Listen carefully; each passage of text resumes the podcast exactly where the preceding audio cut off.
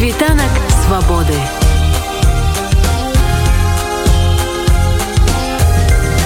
Спіць вольнасці Пяты пакет еўрапейскіх санкцый. Супраць рэжыму беларусі прыняцце якога пераносілася але ж на мінулым тыдні ўрэшце санкцыі былі уведзены гэты адказ краін еўросаюзу на спробу лукашэнкі націснуць і запалохаць Еўропу праз штучна створаны мігранцкі крызіс на памежнай з польшай і літвой тэрыторыях.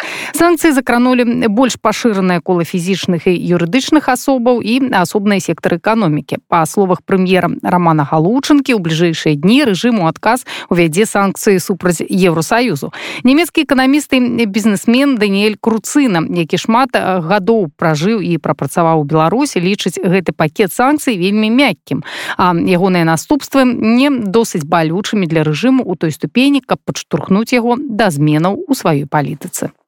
Я думаю пятом пакете наверное Э, многие ожидали больше или более, более жесткие меры. Я видел, что это с одной стороны расширение список людей, на которые распространяются санкции, а с другой стороны организация. Да, в нем попали часть новых структур, но структурно в санкциях э, мало что поменялось. Например, они не распространяются на, на, на третьи страны, как э, в примере Ирана. И есть элементы секторальных санкций, но они тоже уже присутствовали в четвертом пакете. Поэтому я, собственно, вижу это как все равно очень постепенный подход. Что за этим стоит, сложно сказать. Может быть, за этим стоит тактика, чтобы еще иметь пожестче мер, да, вот это сделать постепенно. Но с другой стороны, может быть, и уже креатива нет, потому что те санкции, которые действительно были бы жестче, например, какие-то меры по банковской системе, может не отключение свифта, но блокировка определенных там валютных транзакций и так далее. Они, конечно, и жестче чувствовались бы на Западе. Например, тогда пришлось Беларусь бы сделать дефолт на евробанды, на облигации, и это бы, это бы тоже чувствовалось в западной финансовой системе. Не, не как большой удар, но тогда уже понятно, что эти деньги не, не вернутся. Или распространение на третьи страны как раз – это такой механизм, от которого, наверное, пока отказывается, тоже на фоне там, сохранения отношений с Россией, где, мне кажется, сейчас идет переговорный процесс, который тоже связан с новой кулисой угрозы э, России по отношению к Украине. И, наверное, мне кажется, пока Запад не будет жестче санкции принимать, пока непонятно, как вести переговоры к России и в какое русло они пойдут. Ну, вось тое что вы сказали что санкцыі недастаткова жорсткія ці дае гэта магчымасць досыць лёгка абыходзіць іх я не нормативно не рассуждал достаточно или недостаточно просто если сравнить с четвертым пакетом то мы видим некоторые расширения лиц тронутых юридических и личных но структурная большие, большой разницы в санкциях я не вижу. Может, я какие-то моменты упустил. Да. Потом уже э, я задал себе вопрос, э, почему именно Запад так поступает и почему они не э, сразу приходят намного более жестким санкциям. И ну, была попытка это объяснить или поставить геополитический контекст, который сейчас идет. Но я просто хотел сказать, что большая разница между четвертым и пятым пакетом по структуре санкций я не вижу. Есть меркование, что яны не хочуць, что называется, усе козыры за один раз выкладать, так? а паступова дзейнічаюць. Але ж ёсць і іншае меркаванне что захад таксама пацерпіць калі будуць уведзены жорсткія санкцыі. І вось гэта скажем так асабістая карысці асабістыя інтарэсы зараз ну пакуль что вышэй за інтарэсы нашкодзіць рэжыму досыць балюча. Да это два момента которые пытался развить. Первое да это может ну может быть не сразу стрелять из всех пушек. Да, вот. Но мне кажется, что второй элемент, о котором вы говорили, он тоже крайне важен, потому что нынешний режим санкций позволяет все равно действовать в, в рамках традиционного европейского реалполитика. Что я хочу этим сказать? Скажу на примере Германии. Нынешние санкции они, э, конечно, показывают какой-то политический несогласие, но тем не менее они не жестко вредят при этом европейскому бизнесу или четко не запрещают. По-моему, даже нет запретов по-прежнему для Siemens экспорта их турбин. Все равно как бы определенное бизнес взаимодействие они есть, особенно по критической инфраструктуре для там, энергетической или финансовой. Но я не знаю, может быть, это с точки зрения там, что не хочется для населения настолько сугубить ситуацию, но может быть и это из соображения, что не хочется самому э, на этом существенно терять. Это опять сложно сказать, но вот эти вещи не исчерпанные.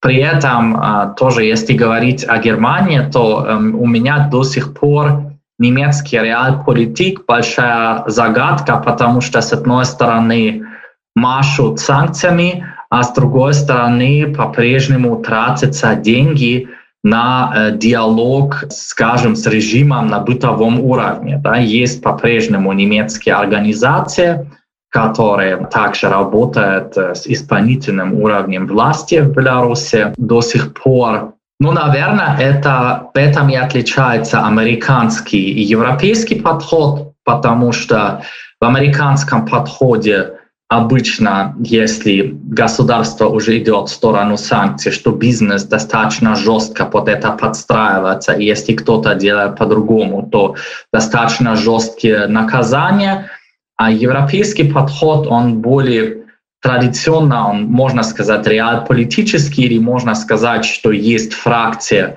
как бы людей э, за демократию и права человека, они политические одно говорят и um, какие-то более или менее символические меры принимают, но с другой стороны есть экспорт зависимая экономика, которая во многих странах работает, которые, скажем, не очень демократические, и надеяться, что um, через бизнес и диалог можно это каким-то образом решить. Да? И получается такое двойственное, которое и для стран внешних ну, или не, или актеров там не, не всегда очень понятно, да, и для самой страны общества внутри страны не совсем понятно бывает. Да?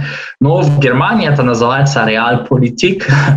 Эм, для меня достаточно странный термин, но вот эти противо противоречия, они встречаются на каждом шагу, особенно что касается европейские санкции европейские подходы. Вось датычна того что вы сказали про экспорт на залежнасць апошні год э, беларускі экспорт узрос вельмі значна і гэта тое чым ганарыцца зараз мясцовыя улады яны кажуць таких паказчыкаў экспорта не было ніколі. Але ж факт ёсць факт. Экспорт беларускі узрос і працягвае расці. І гэта дазваляе беларускаму рэжыму беларускай эканомікі не просто трывацца а яшчэ і по пакладаць спадзеў напрыклад на будучы год что так яно і застанецца. Значную частку у гэтым экспарце складае у тым ліку і гандаль з Европай Прычым гэта не гандаль як вы сказали там энерганосьбіта у нейкіх таких ну насамрэч жыццёва важных рэчаў А гэта гандаль лесам гэта гандаль мэбляй беларускай напрыклад гэтая отрасль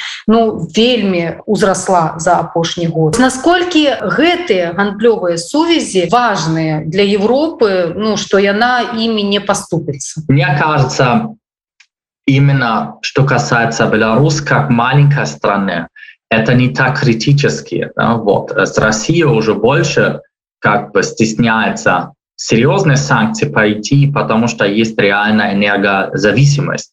Когда Европа трансформируется в зеленую энергетику и э, нужен как промежуточный этап газ. Вот.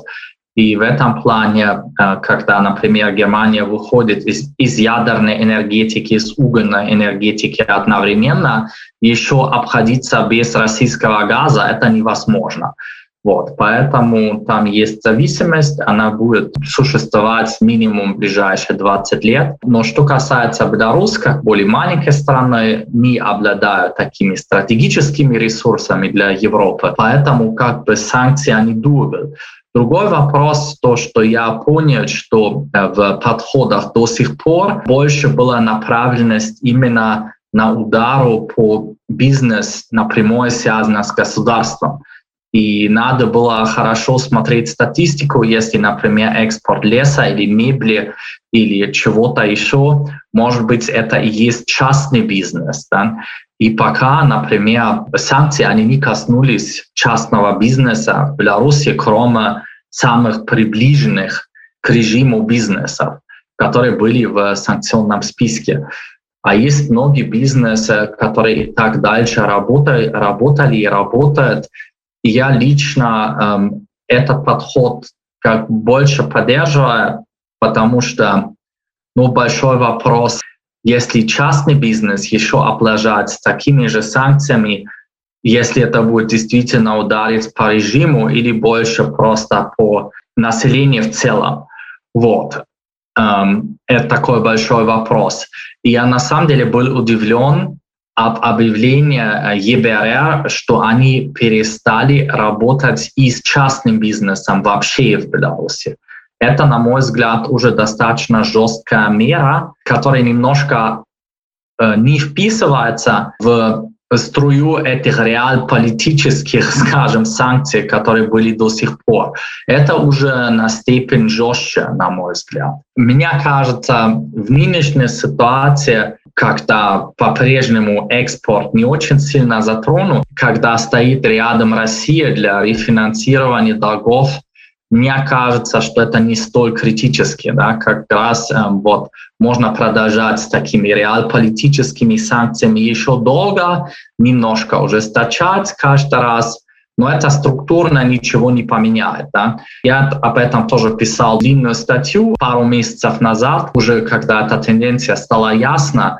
На мой взгляд, если цель именно повредить режиму, привести э, режим к банкротству или на политическую, скажем, строю страну повлиять, то, на мой взгляд, санкции должны быть намного жестче или вообще не стоило бы их делать, да, потому что да, те санкции, которые сейчас, они могут немножко усложнять жизнь и режиму, и населению в стране, но они, на мой взгляд, не могут привести к, там, к какой-то критической ситуации для руководства страны.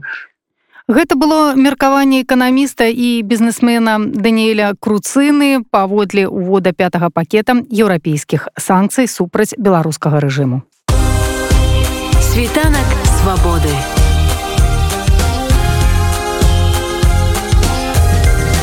Світ вольнасці.